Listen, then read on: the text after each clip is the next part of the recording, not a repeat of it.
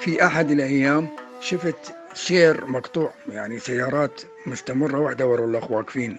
قلت يا ربي شنو القضية؟ باليابان ماكو لما جيت شفت طفل صغير عمره حوالي خمس سنين أو ست سنين يلعب بالكرة والكرة ماله صارت في آه، قرب فوهة المجاري. فالسائق اللي أول واحد طبعا وقف انتظر الطفل إلى أن أخرج الكرة من المكان وراح. من راح الطفل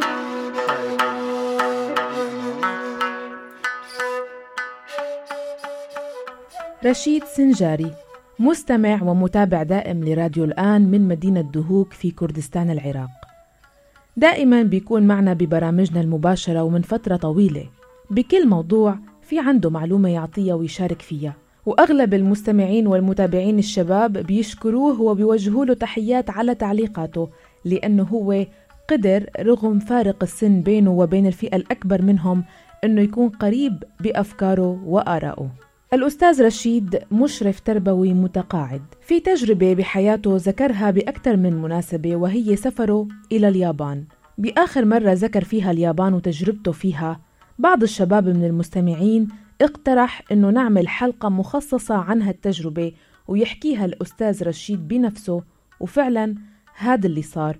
وهلأ بهالحلقة من بودكاست صارت معي رح تسمعوا أكثر عن اليابان من وجهة نظر الأستاذ رشيد سنجاري. السلام عليكم.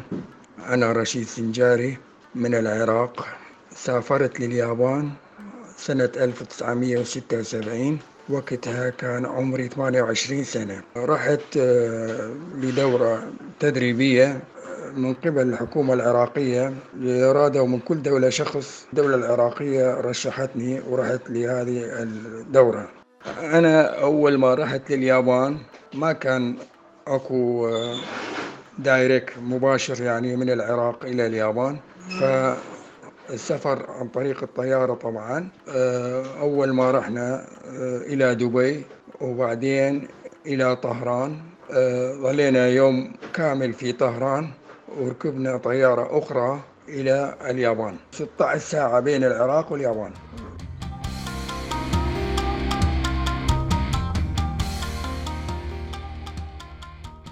كان على عدة مراحل. المرحلة الأولى من بغداد إلى دبي ومن دبي إلى طهران ومن طهران إلى الهند دلهي كان ومن دلهي إلى هونغ كونغ ومن هونغ كونغ إلى طوكيو عاصمة اليابان. وصلنا إلى اليابان. السفارة اليابانية بالعراق كتبت اسمي على ورقة. قالوا لي من تصل للمطار باليابان. أنت عليك أن ترفع اللافتة اللي بيها اسمك هم اللي يستقبلوك. يشوفون اسمك يمهم فراسان يجي واحد عليك يقول أنا مسؤول عنك ليوصلك إلى المكان المطلوب. من نزلنا من الطيارة باليابان طبعا بطوكيو. لوحة مكتوب عليها اسمي رفعتها لي فوق ومشيت. أنا وأمشي إجاني واحد ياباني مسكني قال لي أنا مسؤول عنك اتفضل معايا حتى نوصلك إلى المكان المطلوب من كل دولة كانوا يجون جماعة كل واحد اسمه مكتوب عليه. أه، ودونا أول مرة إلى منطقة Green Hotel من كل دولة واحد. فهناك التقينا وبعدين بقينا كم يوم إلى أن ودونا إلى مركز هاتشيوجي الدولي. هو المركز أو مثل فندق يعني للأجانب.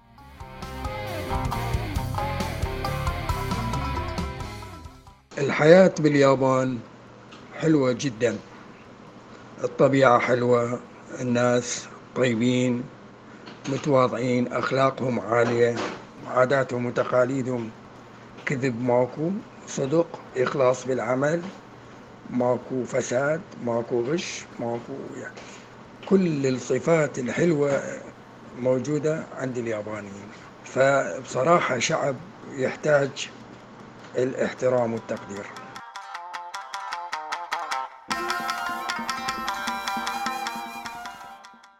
العالم الياباني دائرة حمراء وسط أرضية بيضاء تعني شروق الشمس وتسمى اليابان بلاد الشمس المشرقة يحكم الياباني عائلة الإمبراطور هيروهيتو ويدير الدولة رئيس الوزراء وبرلمان تشريع قوانين يسمى البرلمان مالهم يسمى Diet. تتكون اليابان من أربعة جزر رئيسية وهي هوكايدو هونشو شيكوكو وكيوشو. تبلغ مساحة اليابان 369 كيلومتر مربع. اليابان أرض جبلية 80% من مساحة اليابان جبال. ويوجد جبل بركاني يسمى جبل فوجي. يبلغ ارتفاعه 3776 متر. يبلغ عدد سكان اليابان أكثر من 120 مليون نسمة. المنازل اليابانية أغلبها خشبية ويتكون المنزل من طابق واحد. وتوجد عمارات ضخمة في منطقة شينجيكو مركز العاصمة طوكيو. عدد أعضاء البرلمان 486 عضو فقط. عدد الوزارات 18 وزارة. يوجد قطار اسمه شينكانسين تبلغ سرعته 300 كيلومتر في الساعة. جميع مدن اليابان مرتبطة بقطارات خاصة كهربائية بأسعار زهيدة جدا. عندما تجلس في القطار تجد الياباني إما بيده كتاب يقرأه أو ترى عينيه مغمضتان للراحة.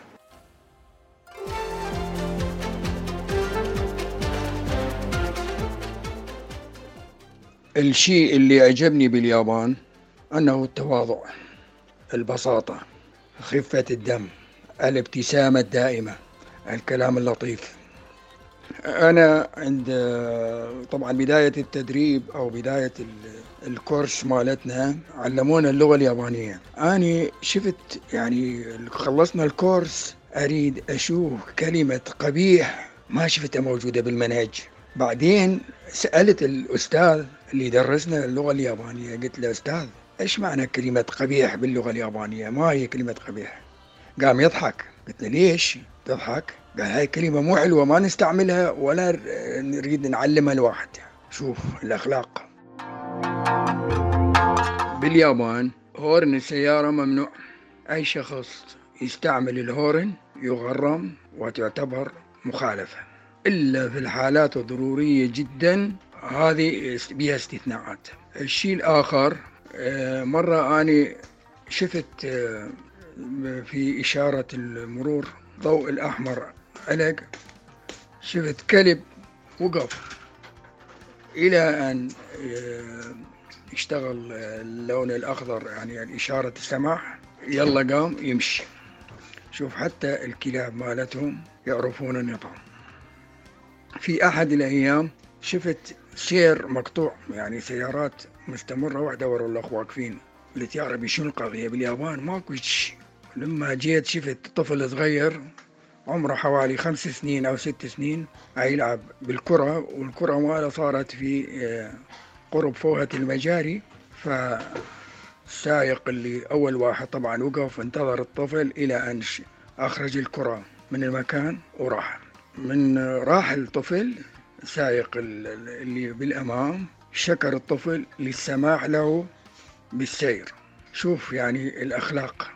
يعتذر من الطفل ويقول له أشكرك لأنه سمحت لي بالسير.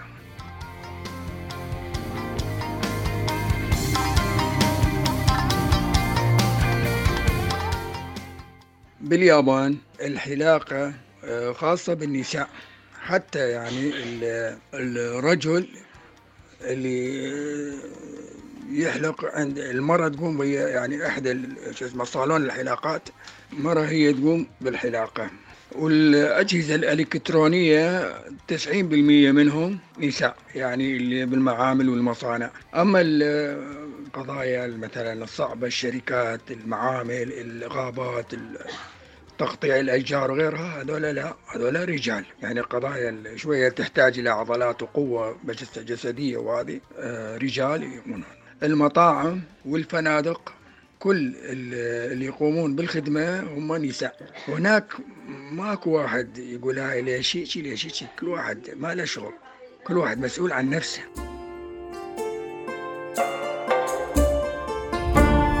الشيء اللي ما عجبني باليابان الأكل مالهم. نحن بالعراق متعلمين على الأكل الدسم فهناك كلهم يأكلون نواشف وما يستعملون الملعقة. بالعودة ويأكلون هيجي كاسة صغيرة فيها تمن ومثل شوربة ثخينه اني مرة سألت قلت ماكو أكل زين قالوا أكو fried chicken والله هذاك عجبني.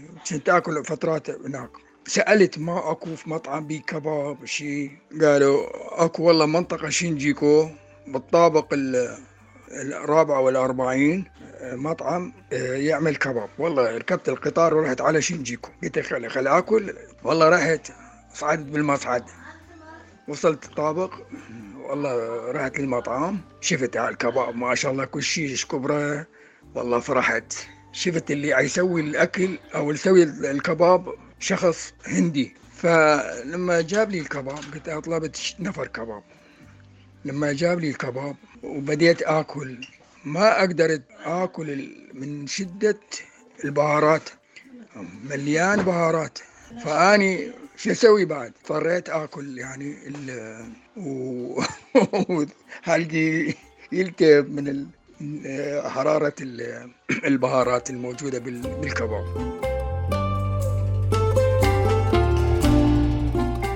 بعض الكلمات المتداولة باللغة اليابانية. صباح الخير باللغة اليابانية. أوهايو جوزايماس مرحبا باللغة اليابانية. كونيتشيوا. مساء الخير باللغة اليابانية. كومبانوا. تصبح على خير باللغة اليابانية. ويا سمينا ساي. تفضل إيرشو. هذه بعض الكلمات المتداولة. بالإضافة للكلمات ومعانيها يلي ذكرهن الأستاذ رشيد رح خبركن هالمعلومة كمان. في اليابان يوجد عبارة تجري على كل الألسن لا مقابل لها بلغات أخرى. تعتبر مثل مفتاح لكتير من المواقف. هالعبارة هي يوروشكو نيغاشيماسو. ما إلها بديل أبدا باليابان وبتتردد آلاف المرات كل يوم بسياقات مختلفة. حتى أنه ترجمتها تعتبر أمر عويص يحار فيه. العبارة هي تعبير عن الاحترام والتقدير بترافقها عادة انحناء تتراوح بين إيماء صغيرة إلى انحناء كامل وهي عبارة أساسية لتقدير الجميع باختلاف مهاراتهم. فيك مثلا تبادر فيها تجاه الكوافير. قبل ما تحدد موعد الزيارة وبنبرة أكثر جدية فيك تطلب لقاء طبيب. الكوافير والطبيب كل حدا فيهم عم بيقوم بدوره بالمجتمع. لهيك هالعبارة بتزيل من أمامك كتير من الصعاب. ورغم أنه اترجمت بكتب تعليم اليابانية وكتيبات السفر لا مثلا سعدت بلقائك أو أستودع نفسي بين يديك أو مثلا أتطلع لمساعدتك. كمان ألتمس العطف منك. لكن هالاستخدامات ما بتجيب المعنى الحقيقي يلي بيجسد فعلا ثقافة اليابان كبلد وشعب. باختصار يوروشكو نيغاشيماسو عبارة عامة للإبقاء على جو حسن مع المحيطين وبشتى المواقف. ورغم التعقيد ففينا نتعلم من هالعبارة أنه الاحترام أمر واجب وأنه الثقة دورها مهم بتأسيس علاقات جيدة. وهي الأمور بقدروها الناس جدا أيا كانت طريقة التعبير عنها.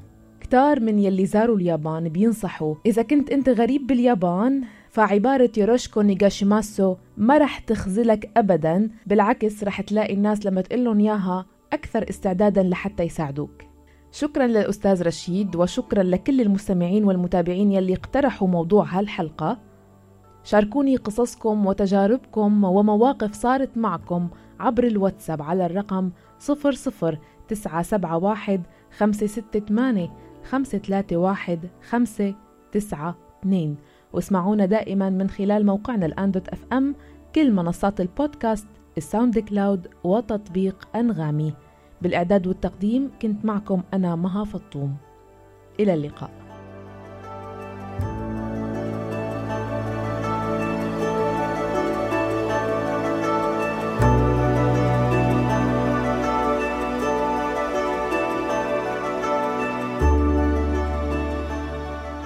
بودكاست صارت معي مع مها فطوم على راديو الآن.